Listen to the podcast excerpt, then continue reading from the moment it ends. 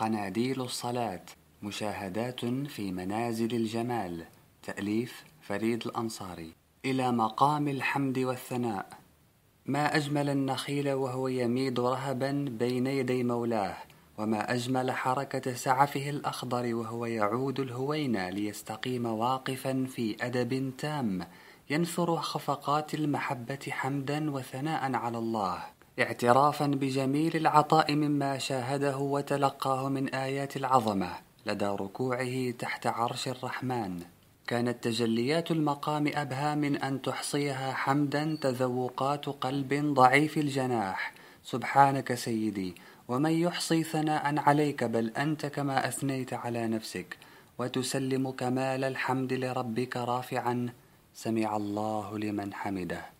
فتستقيم قائما وفؤادك يبتهج رجاء في سماع الله لخفقات الحمد من عبد ضعيف محدود بالزمان والمكان شاكرا لمن احاط فضله وكرمه بالزمان والمكان. ثم يفيض الرجاء دعاء تتشكل أنواره قناديل ذات ألوان أخرى. ربنا ولك الحمد. ويمضي النبي الكريم صلى الله عليه وسلم يرسم علامات النور هدى للعابدين الممتثلين لأمر الله في اتباع إشارات الإمام كلما ركع أو سجد. وإذا قال سمع الله لمن حمده فقولوا اللهم ربنا لك الحمد. يسمع الله لكم. فإن الله تبارك وتعالى قال على لسان نبيه صلى الله عليه وسلم سمع الله لمن حمده. وتبرق آفاق الأرض بعبارات الحمد تترى هالات محلقة في الفضاء حتى تتوافق مع أنوار الحمد النابضة في السماء فتزداد حسنا وجمالا ثم تتشكل غيمة من نور تنهمر مطرا يغسل المصلين من درن مسيرة العمر كله. وتتسابق الأنفاس بالحمد لجني عناقيد الاتفاق أوليس من وافق قوله قول الملائكة غفر له ما تقدم من ذنبه؟ وتعتدل الأغصان مستقيمة وهي تزرع دفء الاطمئنان في فروعها حتى ترجع الأنفاس إلى انسيابها الهادئ الجميل لاهجة بالدعاء والثناء. قال معلم السالكين وإذا رفعت فأقم صلبك وارفع رأسك حتى ترجع العظام إلى مفاصلها. فيا صاح افتح أقواس المقام حمدا لله على ما نلت من تملي ملكوت الله. فإن أدب العبودية يقتضي المكوث ببابه حتى يأذن بالانصراف. كان صلى الله عليه وسلم إذا رفع رأسه من الركوع انتصب قائما حتى يقول القائل قد نسي. ولتطوي المسافات إلى شجر الثناء بتكبيرة الحمد على فضله وإحسانه. فاللهم ربنا ولك الحمد حمدا كثيرا طيبا مباركا فيه.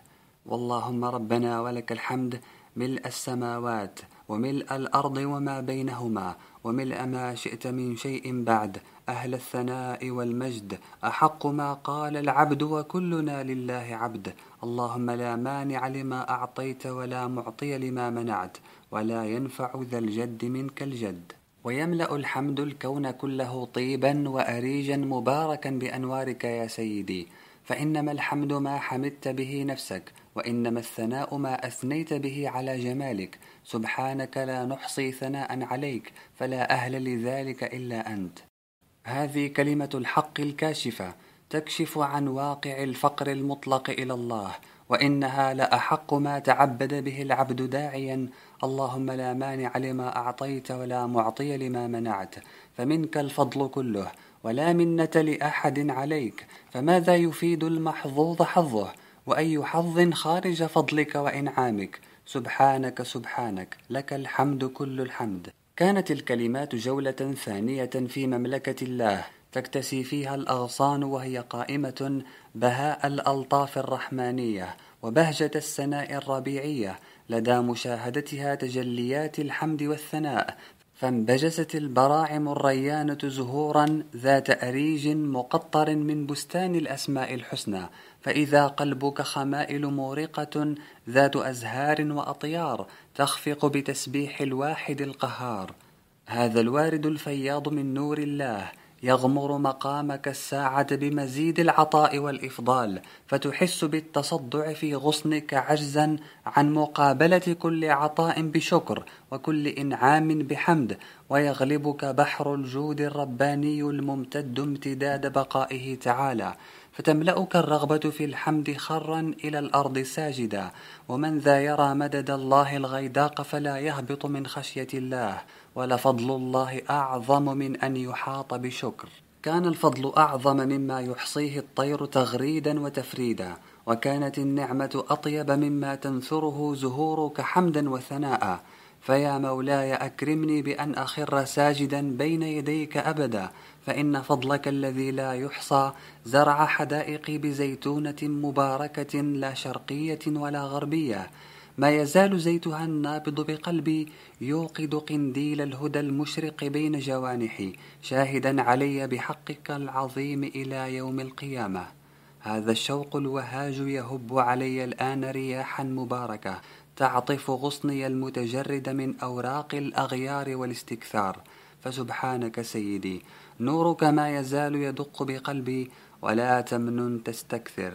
فأذن لي مولاي أن أوقد قنديل مقامي الأقرب على بساط التراب فلا طريق أقرب إلى المقامات العليا من طريق المتربين إذا ما سجدوا تذللا تحت نور عزتك وكبريائك وتنزيها لعلو ذاتك وجلالك.